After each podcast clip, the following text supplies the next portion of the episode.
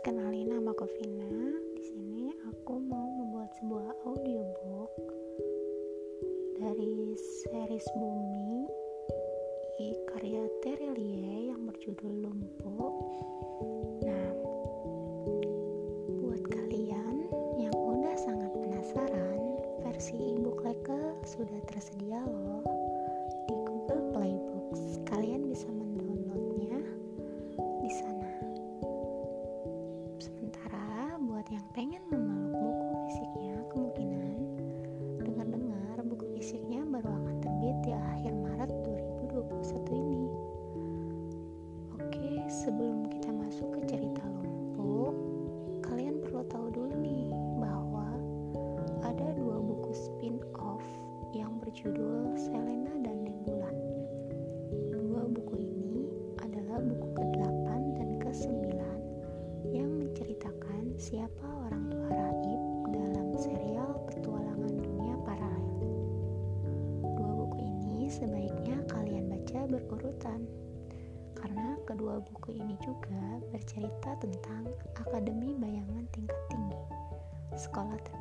seluruh klan bulan. Tentang persahabatan tiga mahasiswa yang diam-diam memiliki rencana bertualang ke tempat-tempat jauh. Tapi petualangan itu berakhir buruk saat persahabatan mereka diuji dengan rasa suka,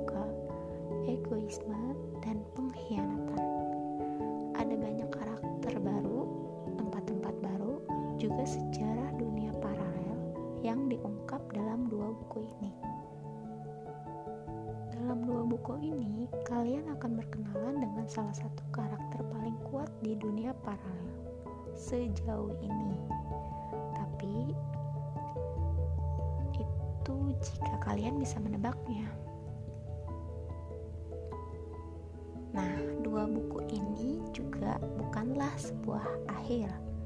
Justru awal terbukanya kembali klan menuju portal Aldebaran. Setelah si tanpa mahkota, musuh besar Raib, Sally, dan Alikala, sekarang muncul musuh baru, yaitu bernama Lumpuh. Lumpuh adalah musuh yang datang dari masa lalu. Dia telah menyimpan dendam selama 17 tahun kepada guru matematika mereka, yaitu Miss Selena lumpuh marah karena Selena dan orang tua Raib datang bertualang ke klan Nebula tempat tinggal lumpuh yang damai. Setelah kedatangan mereka, kekacauan terjadi di klan Nebula akibat ulah Selena yang mencuri cawan keabadian. Benda yang dicuri oleh Selena adalah memenjarakan raksasa sejak puluhan ribu tahun lalu. Namun, karena benda itu dicuri, maka raksasa yang dipenjara itu terbebas dan terjadilah kekacauan yang menghancurkan kehidupan damai lumpuh. Kejadian itu pula yang menjadi awal pertualangan Raib, Ali, dan Sally. Mereka telah bertualang ke banyak tempat. Klan bulan, klan matahari, klan bintang, Borobudur, klan komet, dan klan komet minor adalah klan yang pernah mereka kunjungi. Di buku ini, mereka akan kembali bertualang bersama Ili, kapsul terbang ciptaan Ali. Mereka akan ke klan Nebula untuk menyelamatkan Miss Selena yang diculik oleh Lumpuh. Tapi, apakah mereka bisa mengalahkan Lumpuh? Musuh yang bisa menghapus kekuatan lawannya. Konon, klan Nebula sendiri adalah tempat portal menuju klan Aldebaran tempat orang-orang pemilik kekuatan berasal. Penduduk klan Aldebaran adalah orang-orang yang mengajarkan banyak hal kepada penduduk di klan lain. Tempat peradaban manusia dimulai. Buku ini akan mengupas tuntas bagaimana awal dari petualangan-petualangan terjadi atau bisa jadi juga menjadi akhir Nah, gimana nih gengs? Kalian penasaran kan dengan kelanjutan dari serial Bumi ini? Oke, tanpa berlama-lama lagi, yuk kita langsung check it out ke bab 1 dari Lumpuh.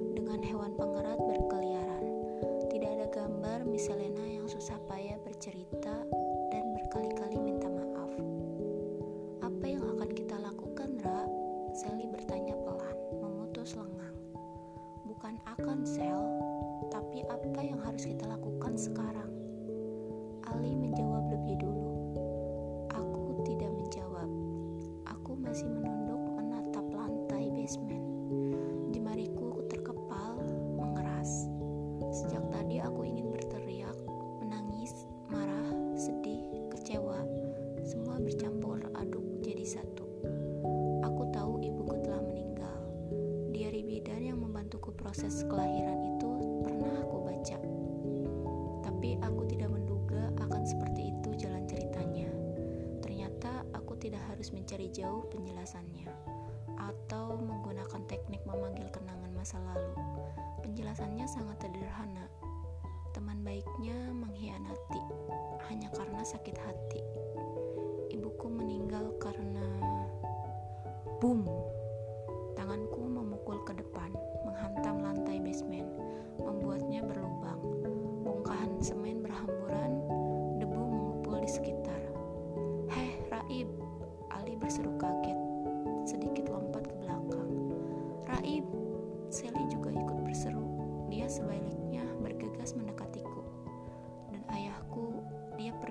begitu saja, seolah aku tidak penting baginya.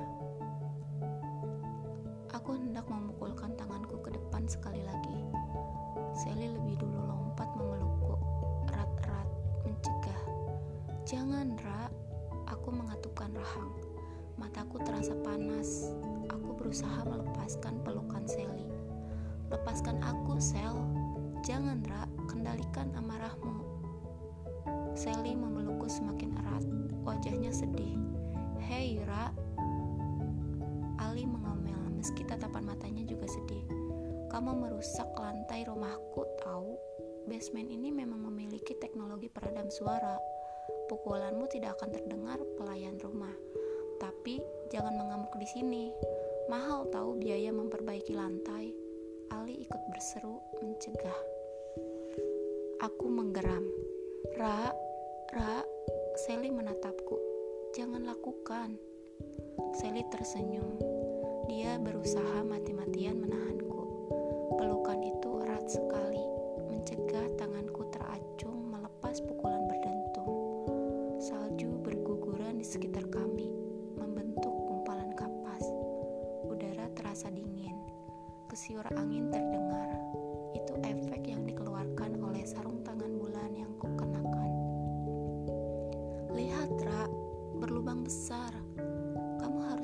mengganti biaya perbaikan lantai basementku. Ini keramik terbaik dari luar negeri. Ali, Sally menoleh kesal. Ali menyeringai, mengangkat bahu. Kamu selalu punya teman, Ra. Sally kembali membujukku. Kamu tidak sendirian.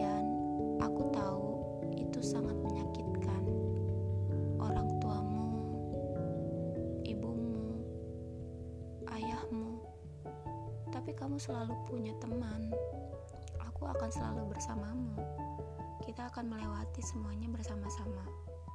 Petualangan ini, rasa sedihmu, marah, kita akan melewatinya bersama-sama. Juga Ali, dia adalah teman yang baik. Ingat pidatonya di acara televisi Klan Komet Minor? Kita adalah sahabat baik. Kita adalah keluarga. Benar begitu, Ali?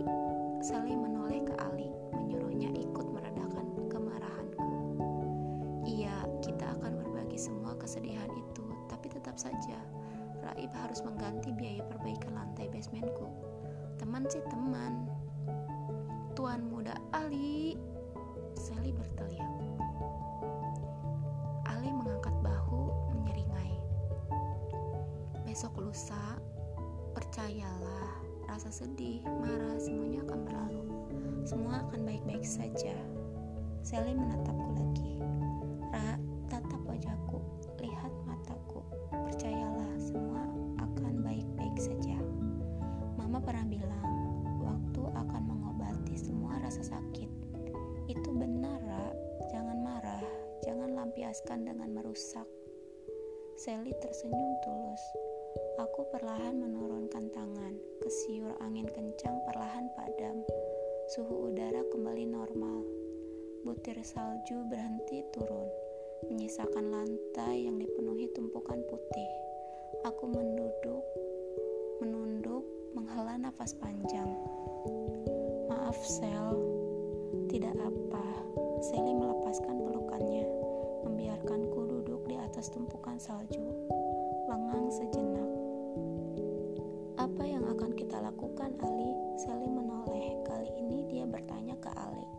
Meskipun setiap petualangan akulah pemimpinnya dalam situasi seperti ini, dengan kondisi emosiku, jelas Ali yang bisa memutuskan lebih baik. Pertama-tama, bantu aku menyapu salju ini, Sel. Ali menjawab santai. Eh, Ali. Sally berseru, kesal. Ali sudah melangkah santai. Dia berseru, aktifkan Ili. Dan kapsul perak yang sejak tadi dia mengambang setengah meter di atas lantai di pojok basement mulai bergerak. Lampu-lampu kecil di dalamnya menyala, melesat mendekati kami. Zing. Benda itu selalu keren seperti biasanya. Aku tidak banyak bicara saat Ali dan Sally berdiskusi mengambil langkah berikutnya. Di tengah dua belalai tangan Ili yang membersihkan lantai. Kita akan menyelamatkan Miss Selena. Itu keputusan Ali. Sally menoleh kepadaku. Aku hanya diam, tapi itu memang satu-satunya keputusan yang masuk akal. Apa pun yang terjadi di masa lalu, kami harus menemukan Miss Selena. Membawanya pulang, sisanya diurus nanti-nanti. Apakah kita akan memberitahu Batozar? Buat apa? Meminta bantuan darinya? Memangnya kamu tahu di mana Master B? Sally menggeleng. Maksudku, mungkin kamu tahu, Ali. Tidak ada yang tahu di mana Master B sekarang.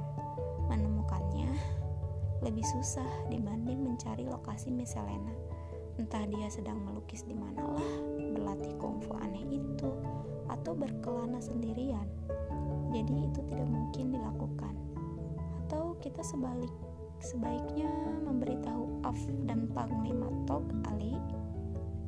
Aduh, sekali kita memberitahu Af dan Panglima Tog, mereka akan mencegah kita pergi. Bilang itu berbahaya, bilang biar orang dewasa yang mengurusnya. Kita disuruh fokus saja sekolah. Ide buruk, kita hanya jadi penonton. Sally mengangguk pelan, masuk akal juga. Kita akan berangkat bertiga, membawa kapsul perak Eli. Ali memutuskan. Tapi di mana menemukan Miss Helena? Di mana ruang penjara yang mengurungnya itu? Apakah di klan bulan, klan nebula, atau klan lain? Aku tidak tahu, tepatnya belum tahu. Tapi kita akan menemukannya. Kalian malam ini berkemas sekaligus bilang ke orang tua masing-masing minta izin pergi. Aku sih gampang, selalu bebas pergi, tidak usah pakai izin lagi. Aku masih diam memperhatikan percakapan Ali dan Sally. Bagaimana dengan sekolah kita, Ali? Sekolah itu tidak penting, Sel. Sally menepuk dahinya pelan. Enak saja. Hanya karena kamu jenius bukan berarti sekolah tidak penting buat semua orang. Aku tidak mau tidak naik kelas gara-gara bolos, Ali. Apa susahnya sih bolos saja? Ali, baiklah, akan kupikirkan caranya agar kita dapat izin dari sekolah. Tapi bagaimana caranya? Tidak ada Miss Elena yang akan membantu memberikan izin. Kita juga sudah berkali-kali izin tidak masuk tahun ini. Tenang saja, aku punya rencana, Sel. Besok pagi-pagi aku akan mengurusnya di sekolah. Ali menjawab mantap. Dan jika kamu meragukannya, ingatlah selalu, rencanaku selalu berhasil, bukan? Sally menatap Ali lamat-lamat, lantas mengangguk. Sebenarnya itu ekspresi wajah Ali yang sangat menyebalkan. Dia bergaya seperti orang yang paling pintar sedunia. Tapi mau bagaimana lagi, dia memang jenius dan rencananya, rencananya nyaris tidak pernah gagal. Malam ini aku akan menyiapkan logistik Ili, juga persiapan lainnya. Besok jam 8 pagi kita berkumpul di belakang rumah Sally. Deal? Ali mengambil keputusan. Sally menoleh. Kamu ada pendapat lain, Ra? Aku tetap diam, hanya mengangguk pelan. Aku setuju. Kalau begitu, kalian bisa pulang sekarang. Ra, Sally, tidak ada gunanya lagi kalian di sini.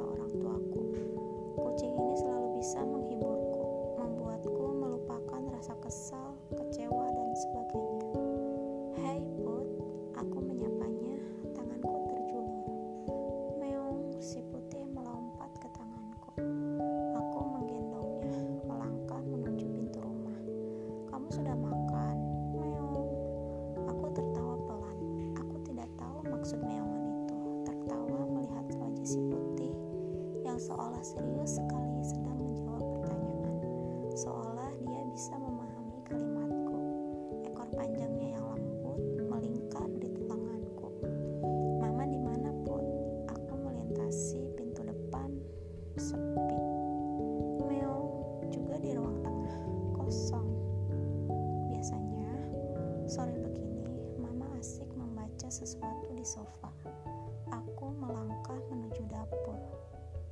kosong, menuju halaman belakang. Hei Ra, Mama berseru. Aku menatap halaman yang berantakan. Mama sedang membongkar mesin cuci. Bukankah mesin cuci ini baru beberapa bulan usianya? Masa sudah rusak?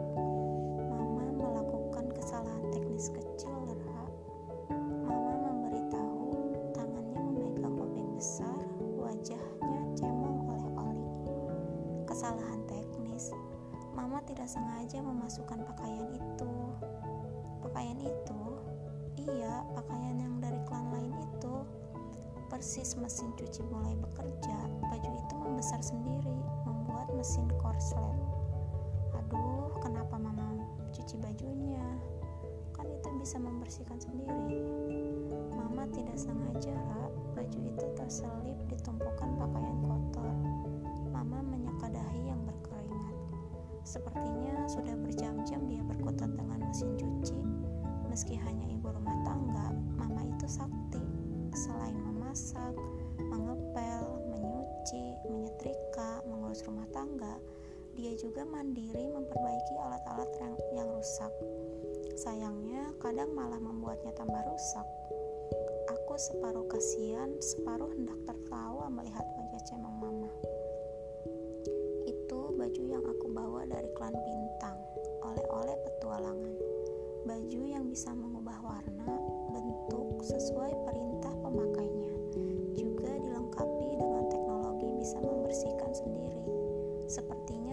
baju itu masuk ke dalam mesin cuci, terkena air, deterjen, dan mesin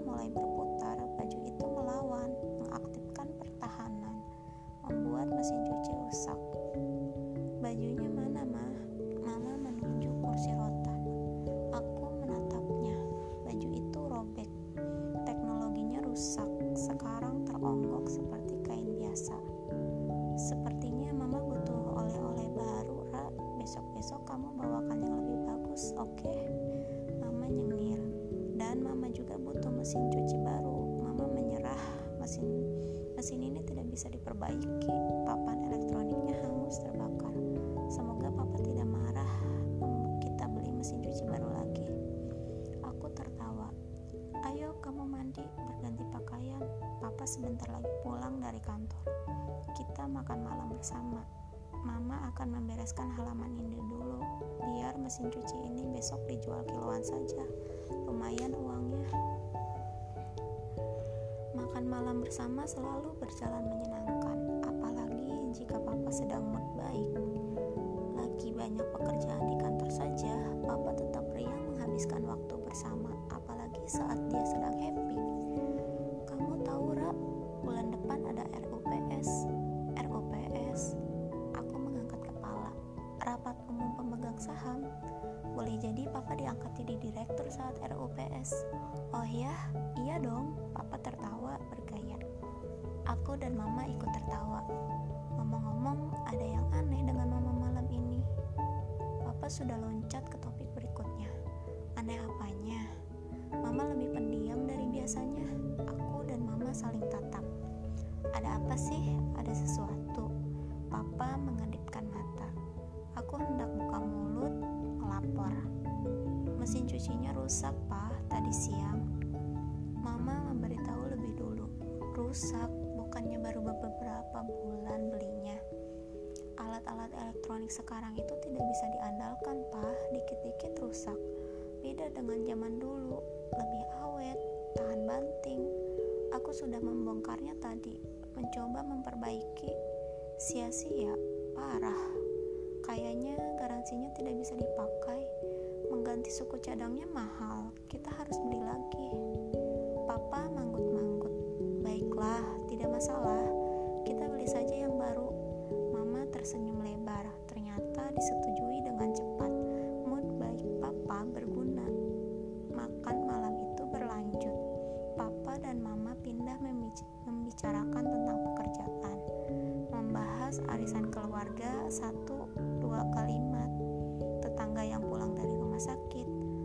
apa saja yang terlintas. Ngomong-ngomong, Raib juga aneh sekali malam ini. Aku mengangkat kepala. Aneh apanya? Lihat, lebih pendiam dibanding Mama, iya kan? menatap ke arahku. Kamu mau membeli sesuatu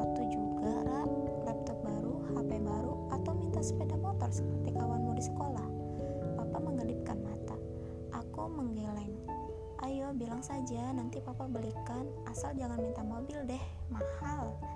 Papa meraih gelas, hendak minum. Aku menghela nafas perlahan. Itu benar, sejak tadi aku lebih memilih menyimak percakapan.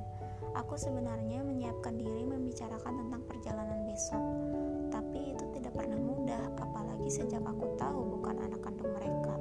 Mama selalu saja menangis saat aku minta izin berpetualang ke dunia paralel. Ayo, katakan saja, Ra, jangan ragu-ragu.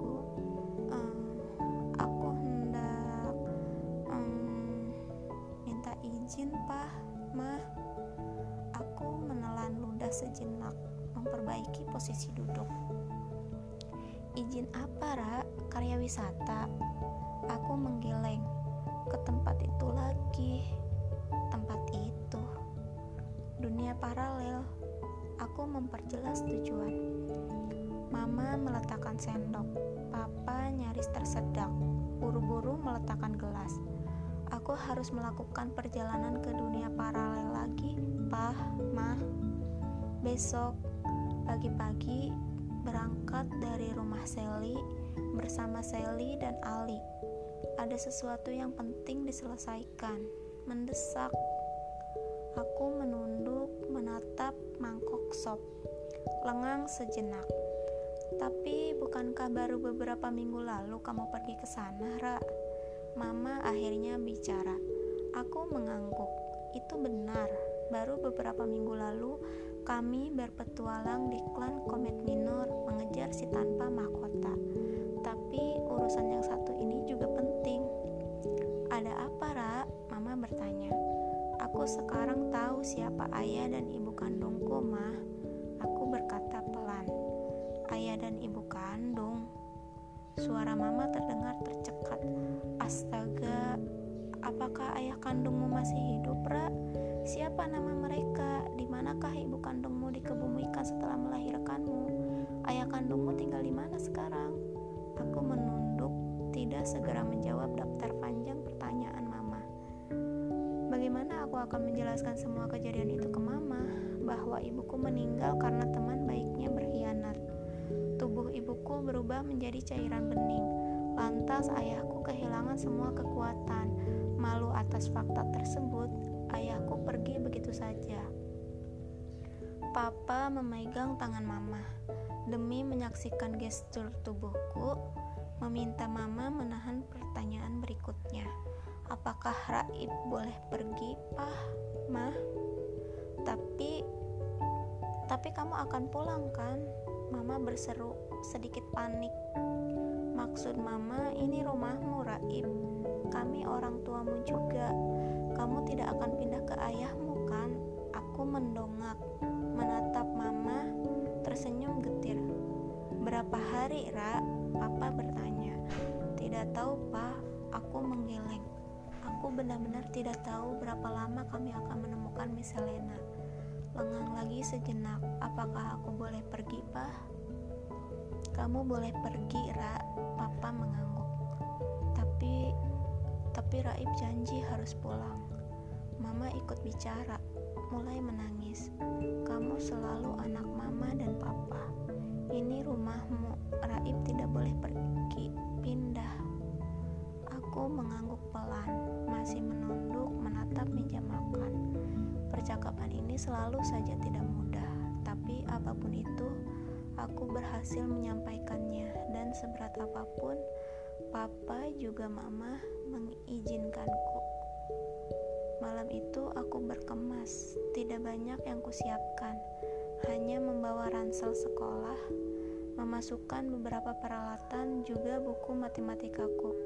Sepanjang malam aku susah tidur, kepalaku dipenuhi banyak hal, apalagi ketika pukul 10 saat hendak mengambil air minum dari dispenser di dapur, aku tidak sengaja mendengar papa dan mama bicara di ruang tengah. Mereka tidak tahu aku menguping. Aku takut, Pa. Suara mama terdengar pelan. Takut apanya, Ma? Aku tak aku takut Raib tidak akan pulang lagi. Dia semakin besar, Ma. Dewasa, mandiri. Cepat atau lambat, dia akan punya kehidupan sendiri. Papa menimpali, hala nafasnya terdengar. Tapi dia putri kita satu-satunya. Dia bukan anak kandung kita, bahkan dia bukan penduduk planet ini. Dia anak kita, Pak, putri kita. Papa terdiam menghela nafas. Aku menyayanginya. Mama menangis. Kita akan selalu menyayanginya, Ma. Papa berkata dengan suara pelan, lantas diam lagi. Kalau saja situasinya berbeda, aku akan berlarian masuk ke ruang tengah memeluk mereka erat-erat. Aku akan bilang kepada mereka jika rumah ini adalah tempatku dibesarkan sejak bayi. Papa dan mama adalah orang tuaku yang merawatku sejak bayi. Aku akan selalu pulang ke rumah ini, sejauh apa pun petualanganku di dunia paralel. Tapi lihatlah, situasi ini sangat menyedihkan, sekaligus membuatku marah. Papa dan mama bukan siapa-siapa, tapi mereka merawatku sejak bayi. Mereka sangat menyayangiku, membesarkanku, yang juga bukan siapa-siapa mereka. Sedangkan ayah kandungku entah di mana dia sekarang. Apakah dia tidak ingin melihat putrinya tumbuh besar? Apa ayah kandungku tidak ingin tahu apa yang kulakukan selama ini? Aku menyekap pipi, bergegas menaiki anak tangga, membawa gelas berisi air. Esoknya, pagi-pagi, Mama terlihat lebih baik. Dia sibuk menyiapkan bekal makanan di dalam kotak plastik. Seolah aku hendak pergi piknik ke taman kota. Aku memasukkan kotak itu ke dalam ransel. Selalu makan tepat waktu, Ra, Papa bicara. Aku mengangguk. Jaga kesehatan. Aku mengangguk lagi. Semua sudah siap menatap Mama dan Papa. Saatnya berpisah. Mama tersenyum. Tepatnya, mati-matian berusaha tersenyum agar dia terlihat baik-baik saja saat melepasku pergi. Jangan lupa oleh-olehnya, Ra. Papa bicara. Papa juga mau baju dengan teknologi itu. Papa baru tahu soal baju itu, pantas saja mama selalu punya baju baru. Aku menoleh ke papa tersenyum. Berangkat mah, pa. Aku berkata pelan. Mereka berdua mengangguk. Meong, si putih mengeong, menatapku dari atas kursi. Aku melambaikan tangan ke arah kucing itu. Meong, si ekor si panjang si putih berdiri. Aku tersenyum. Splash, sekejap tubuhku sudah menghilang untuk kemudian splash muncul sepersekian detik di halaman rumah. Lantas splash, splash melakukan teknik teleportasi. Melesat di jalanan kota yang ramai sepagi ini. Dengan kecepatan gerakanku, tidak ada yang tahu jika tubuhku baru saja melintasi angkot yang sedang ngetem tukang ojek online yang sedang menunggu orderan di pangkalan, atau kemacetan di perempatan lampu merah. Splash, splash, tubuhku terus bergerak menuju rumah Sally.